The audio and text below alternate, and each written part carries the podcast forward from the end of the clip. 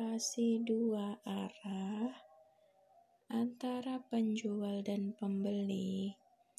Contohnya seperti televisi tidak bisa bertanya kepada pemirsanya atau memasukkannya ke dalam pembicaraan yang sedang ditayangkan, serta tidak bisa meminta informasi konsumen.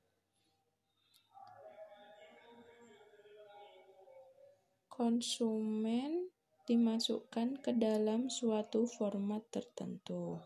Sebaliknya, semua kegiatan tersebut bisa dilakukan dengan situs web e-commerce. Interaktif memungkinkan penjual online untuk menarik konsumen dengan cara yang mirip dengan penawaran secara langsung, dengan tatap